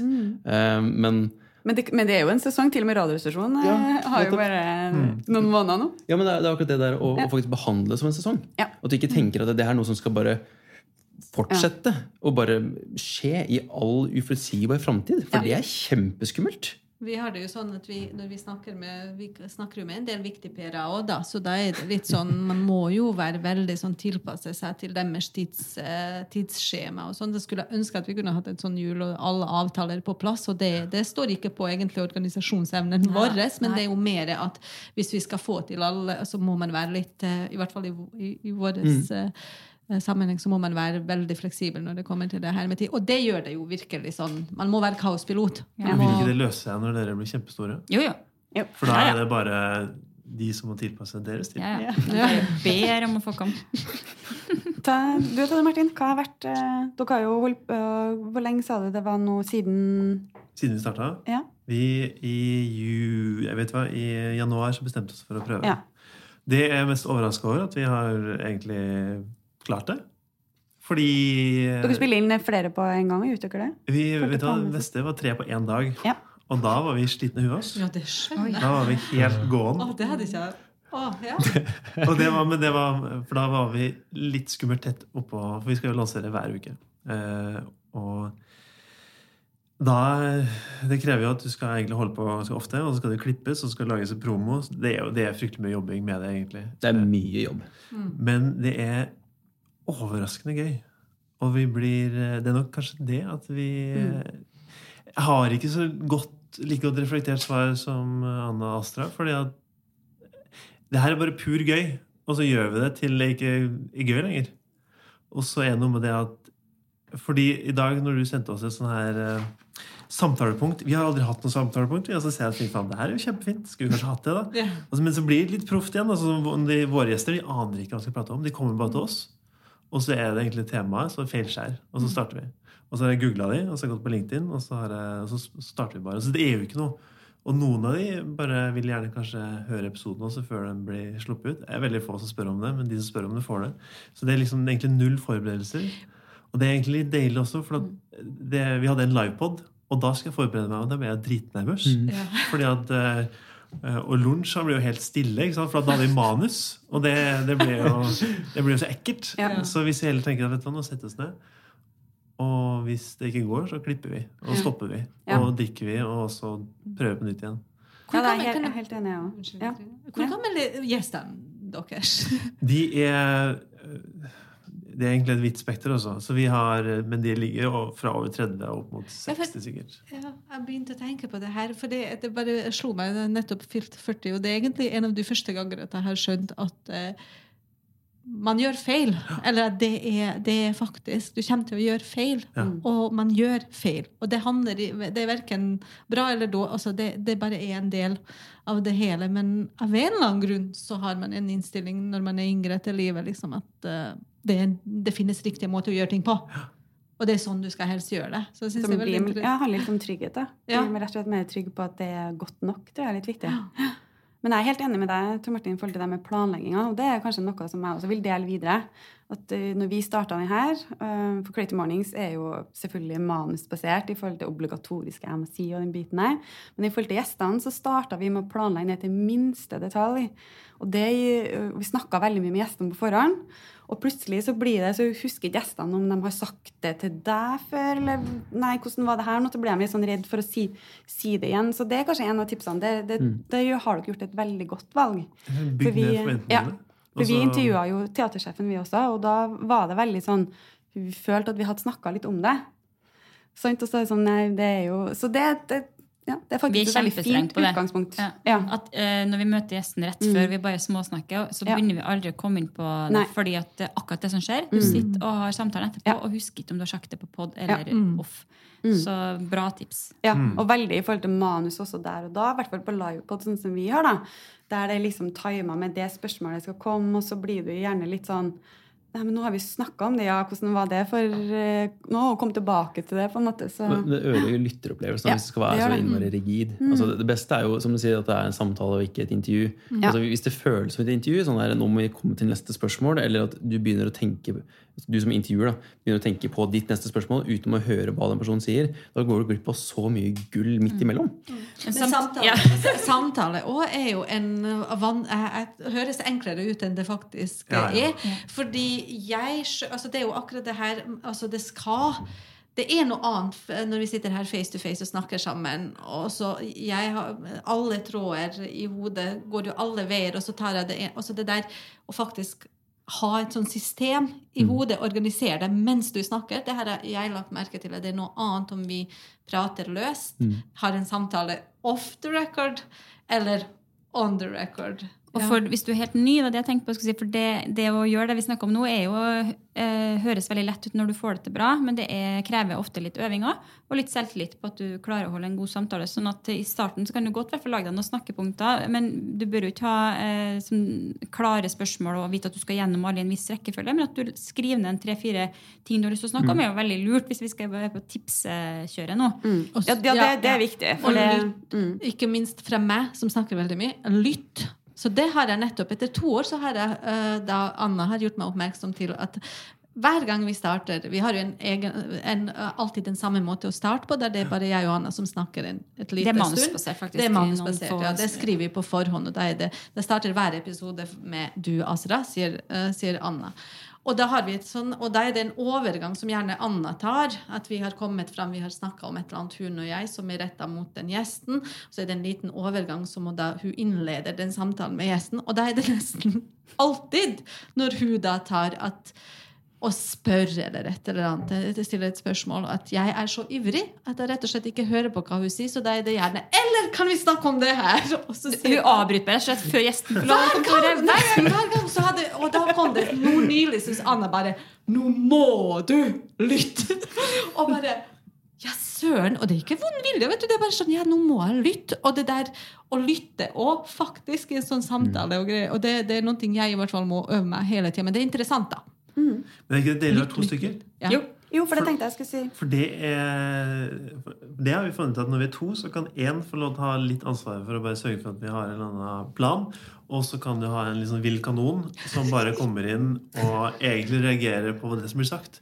For det er så viktig det, at du har noen som jeg kan høre på og svare opp etter det som blir eh, Eller respondere på samtalen. For det kjenner jeg at det er vanskelig hvis du skal både ha en agenda hvor vi skal gjennom, men samtidig være en god lytter. Det er dritvanskelig. Ja, det er en fordel ved å være to, da. Jeg vet ikke hvem som er den løse kanonen hos oss, men uansett, da, det er veldig fint at det er en struktur, det er en dynamikk, at en har litt mer, eh, er opptatt av å komme gjennom uten at det er slavisk, og at en kan være da, en, ha en sånn libero-rolle. Hun prøver jo å ha system på det, bare Eller skal vi snakke om det jeg sier at vi skal snakke om? Nei, det, men det funker. Jeg er veldig glad for at vi er to. Ja. Og så er det, ja, det hadde ikke vært altså det, Og det er, man skulle ikke tro at vi faktisk holdt på i to år. Det er sånn Apropos det dere også sier, det er så gøy. At, det, at plutselig så har det gått to år, og vi har ikke noe mål om å gi oss heller. Så Da eh, skal vi begynne, å- begynne å runde av. Men først så har jeg lyst til å spørre dere, har dere noe, har dere noen sånn drømmegjest? Er det noe dere eh, Tor Martin? Jo, vi, kan, eh, det- vi har én. Ei, ei drømmegjest. Og jeg har sendt en mail til vedkommende og spurt Har du lyst til å komme til oss. Og så sa jeg at uh, har ikke tid akkurat nå. Har ikke tid og overskudd. Og det er jo Anne Bragde. Hun er den Nettopp ferdig med en bok? ikke? Ja, ja, ikke sant? Jeg leste i avisa hun er ferdig med en bok, og så tenkte jeg shit, hun er ferdig med en bok. Da har jeg tid til å liksom se mail. Og så i stedet for å liksom tenke tanken to minutter til og tenke at nå er jeg sikkert sliten, så sendte jeg av gårde en mail og spurte om hun hadde lyst til å være med. Og så sa jeg at vet du hva, hun har ikke tid og overskudd. Så da har jeg egentlig bare plotta inn på høsten. Masse igjen da. For Ja, for hun, hun, hun var interessert i å være med? hun sa fall ikke nei, Nei. sånn Det var bra. med to Hvis du ikke spør, så får ikke du Nei. Nei, vet du hva, hun, vi skal ha henne, skjønner du. Ja, Og spennende. om vi må dra hjem til henne, så skal vi hjem til henne. Hun er, hun er Jeg tror hun er den som personifiserer feilskjær på best mulig måte. For hun Jeg har jo hørt den podkasten med Sånn er du, hvor hun er med, og det er jo min favorittepisode egentlig av alle podkaster som noen har hørt. Og det er bare at hun kan gå ut på byen og så kan hun finne på mye rart, og så når hun våkner, så tenker jeg Nei, gjorde jeg det der? Ja ja, det er kult. Tenkte jeg å være så Jeg tror ikke hun har fosterstilling-gen. eller sånt. Nei, Bare... det var det. Og Du det da? er. Ja. Du Ja. da, Simen? Um, jeg har tenkt litt på det her. Uh, og så så jeg hadde et litt sånn eh, for, for noen måneder tilbake, sånn, jeg tror det var rundt nyttår, så hadde jeg veldig lyst til å prøve å få ordna et eh, intervju med Torvald Stoltenberg. Ja. Og det her var en uke etter at han døde. Eh, så det var ganske kjedelig. Ehm, og, men igjen, altså, det, det, det her går egentlig litt tilbake til hvorfor jeg lager litt av podden til å starte med. fordi jeg vil jo gjerne at yngre folk altså, skal høre på de eldre stemmene her. Og det at eh, jeg liker å se på det, jeg kan knytte stemmen til de eldre til øra til de yngre. For det er jo et, et format for litt yngre mennesker. Altså, jeg har ikke møtt på noen av de eldre folka jeg har snakka med, som faktisk hører på podkaster ennå. Um, men ja, altså Nei, jeg har, jeg har lyst til å snakke med Jeg ble litt gira på kongeparet. Mm. Når vi snakker om det, Gjerne sammen. Og Sonja og Harald bare sånn i en sofa med noe kjeks. Det var det ypperlig. Dronningen og jeg. Ja. Ja, Litt usikker. Jeg skal gjerne bare komme bort fra det at jeg må liksom si Hans Kongelige Majestet og sånn. Det tror, jeg, det tror jeg ikke du gjør. Nei, vi får se. Vi får se. Ja, spennende ambisjoner. Helt eh, kort, dere da, jenter? Vi hva tar I kor? Ja. Liv Ullmann. Ah. Det jeg nevnte Men du kommer, kommer da ikke snart til Hun kommer til Trøndelag, men vi har tenkt kanskje at vi må dra til New York. Ja, det var, det, det var der New York oh, kom ja. inn i bildet. Samle opp noen andre klart. trøndere. Det er jo masse kule trøndere. i New York. Ja, godt poeng. Men absolutt. Liv, altså. Ja. Eh, ja, da, men jeg kommer jo opprinnelig fra Bosnia, så jeg har liksom ikke fått med meg alt det her på 90-tallet eller begynnelsen av 2000-tallet. Eller kanskje hele livet. Eller, eller der hun er egentlig er det. 60, Stemmer det? At hun, ja. ja, men at hun har blitt litt sånn Gjort litt narr av? Eller stemmer det? ja, det er mer sånn Vibeke Løkkeberg, det. Hun skal, må jo ha ja, noe. ja, ja, men jeg, jeg føler at Liv burde ha fått Liv, der er jeg på fornavn der òg. Ja. Jeg har så respekt for henne, men ja, mer anerkjennelse enn det faktisk er i Norge. Syns hun er rå dame. Ja. Mm. Et, eh, et siste spørsmål, da, folkens. Hvis dere skal Dere har jo eh, litt forskjellig lengde, men hvis dere skal anbefale én episode som folk eh, må få med seg, har dere noen tips til Um, for um, personlig så liker jeg egentlig å gi personlige anbefalinger til alle som spør. Sånn, hvis de, jeg vet ikke men Det er mange som sier bare å, du, 'Jeg har ikke hørt på poden deres ennå', så jeg føler, føler sånn skam. Bare, nei, men det, det er ditt valg. Du må ikke høre på. Ja. Det er helt greit. Men det er derfor det er litt ekstra godt å kunne si til eh, for eksempel Astrid sånn, Jeg tror du hadde likt episoden hvor jeg snakker med hun fra Kristiansund. Um, Astrid Molland, tror jeg heter. Eh, der. ja, nettopp. For hun snakker om hvordan uh, Hun sier blant annet um, Jeg tror på oh, to ting. Kort fortalt, uh, på jeg tror 70-tallet det også, så sier hun at um, da var det veldig vanlig for menn å bare kjøre forbi kvinnelige sjåfører i demonstrasjon, for de skulle ikke ha lappen. Og bare vrenge seg foran. Og bare sånn, Nei, det, det var liksom i protest. Dette her er ikke greit. Og eh, For meg så føles det veldig fremmed. Og det at det ikke var normalt for kvinner å, å bare ha sertifikatet, det, er sånn det, det var nytt. Men hun snakker også om det å eh, Og det, det her er ikke akkurat grunnen til å pitche inn til deg, men, men bare eh, Grunnen til at jeg nevner det, er fordi hun var veldig sånn sterk personlighet. Jeg hun hadde tidligere vært eh, sykehusdirektør i Kristiansund. Um, og alltid som kjempa for at eh, kvinner skulle komme opp og fram. Og eh, hun krydrer med sånn lokalhistorie overalt. Men hun forteller også om veldig, veldig åpent om hvordan det var å ta abort. Eh, og det å stå foran eh, altså et panel på fire gamle menn. Og liksom bare å komme med en sånn her, noe oppspinn bare for at hun skal liksom, kunne få lov liksom- til å ta abort. Tema som er aktuelt i dag. Det er liksom Veldig. sånn evig ja. Ja. Så ja, for deg så tror jeg at den der kunne vært fin. Ja, men Fin med litt sånn eh, tilpasning til hver enkelt. Jeg Ja. anbefalte jo faren min, for eksempel, han fra Skogn. Mm. Så det er jo veldig fint å, ja. Så det er veldig fint å ha den liksom bredden og forskjellige og bruke litt målgruppe, kanskje. Mhm. Jeg tror episoden med Julia Navarsete er en fin episode. Vi har fått, uh, eh, vi har fått mange tilbakemeldinger på den, uh, og, som går begge veier. Og det er egentlig fint det, at den er liksom såpass polariserende. For noen mener at det er den sterkeste de har hørt. Andre mener at den går liksom for langt i å være liksom eh, for personlig. da. Eh, Men hun er den som var desidert modigst av alle våre gjester, fordi hun har bydd så mye på seg sjæl. Og og hun hadde vi inne to ganger, faktisk. fordi at første gangen så ja, Hun trengte to ganger for å få det ut. Mm. Og eh, hun har vært ganske stille rundt det, og så bestemte seg for fader, eller nå skal jeg ut og prate om det. Og da valgte jeg å gjøre det på podkasten vår. Så den er tøff dame som har valgt å stikke huet sitt frem, og så får masse positiv og dårlig oppmerksomhet av det. Men det, det er det vi liker, da. At de faktisk eh, bare fronter og forteller om hva de har gjort for noe. For da har vi muligheten til å, å lære litt av det. Så det er en ganske fin og sterk episode. Vi, Siden vi er to i dag, så sniker vi oss til å si to for eh, å få litt bredde i det. Men den ene vi tenkte vi kunne nevne, er jo en ganske fersken med Berit Rusten, som er eh, en trondheimsdame som eh, har vært scenekunstner og feminist hele livet. skulle jeg si, som absolutt trenger flere lyttere og flere mm, mer anerkjennelse enn hun har fått. Eh, bare ekstremt tøff dame. Og så tenkte vi at eh, siden du nevnte Thomas Seltzer, så er det egentlig en ganske fin episode. Jeg syns han eh, også blir utfordra litt. Og vi Ja. snakker mye rundt eh, ytringsfrihet og demokrati, som er et evig tema. Så, Det er jo det vi har også fått tilbakemelding på på den episoden. At det, den, han blir litt utfordra. Ja. Men egentlig sånn som Simen sier, man må jo se hva man er interessert i. Så da får du bla igjennom, og se om du finner en person som eh, appellerer. Ja, for det er, ikke, det er ikke sånn one size fits all på episoder, altså. Nei, det er veldig til å si. Enn du, Katrine? Jeg tenkte jeg skulle trekke fram litt den i apropos eh, vi er oss eh, sommer og eh, vi nærmer oss festivalsesongen. Og i fjor, den første episoden som egentlig var en litt sånn pilotepisode, så intervjua jeg festivalsjefen Eirik Brevik ut på, heim, på, heim, på gården. Festivalen er jo på gården hans ute i, ute i Fosen. Så den vil jeg anbefale. Ja. Da skal vi ta med oss en siste anbefaling. Apropos det her med feilskjære. Det, eh, altså jeg har jo hørt på, jeg hører på mange podkaster. En av de Min favorittpodkastserie er jo Invisibilia. Det, det er jo fordi man lærer masse, og der er det masse historier. Men en av de utrolig viktige og bra podkaster nå for tida, Kot vil leve. Og Ja. det er apropos å ta en tabutema tabu tema som handler om døden. Og så gjør det, vet du. For det er virkelig det er sånn, Der er podkastplattformen på sitt beste til å gjøre noe. For noe og, og, den, og det er jo liksom Ja.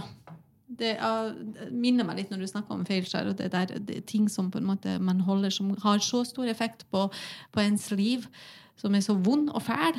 Nå er det liksom ikke døden, men her er det døden ja. som på en måte er Jeg har jo veldig mye dødsangst sjøl, så det, det, det traff meg jo uh, midt i trynet. Eh, og jeg tenker det er, så, det er så en hverdag for oss mange. For noen dør jo hver dag, og noen blir syke, og kreft som sykdom og sånt. Og det er så fantastisk at han har laga han der eh, Aftenposten. Ja, men ak akkurat den poden med Kot vil leve, eh, og han um, Joakim Førsund, tror jeg det er, han er journalisten der. Ja. Altså, det er utvilsomt den som har- bare har inspirert meg eh, mest Ja. sånn by far i løpet av det siste året eller noe. Eh, og bare måten han beskriver eh, settinger på. Det er så flott. Eh, og det at han, han, du hører som han, ja, han snakker om som sykehuset i detalj. Bare, ja, det er linoleumgulv, og som, dørene er tunge, og du kjenner på det alvoret av det her i måten han beskriver det på. Og den evnen der til å sette ord på situasjoner og på følelser og skape det hele det bildet der, den, den verden, det føler jeg er egentlig noe av det beste med, med podcast for min del. Og egentlig det jeg har personlig har eh, blitt mest fascinert av. Men jeg vet ikke helt med, med dere. Tom Martin? Jo, eh, vet du hva? Eh, må på behandling. Jeg syns den er kjempefin. Og det er et eller annet med at den tar alle reglene av podkast og kaster ut av ruta. Og bare, det er litt sånn antipodkast. Det, er- det er bare tull. Og noen ganger synes jeg det er deilig, for at det er så mye som er så velregissert og polert, at noen ganger synes det er så godt å høre på ting som bare 100% tull og ablegøyer. Så den er veldig fin. Hvem er det som har den? Morten Ramm. Sikkert Humor gjør, tror jeg. Ja.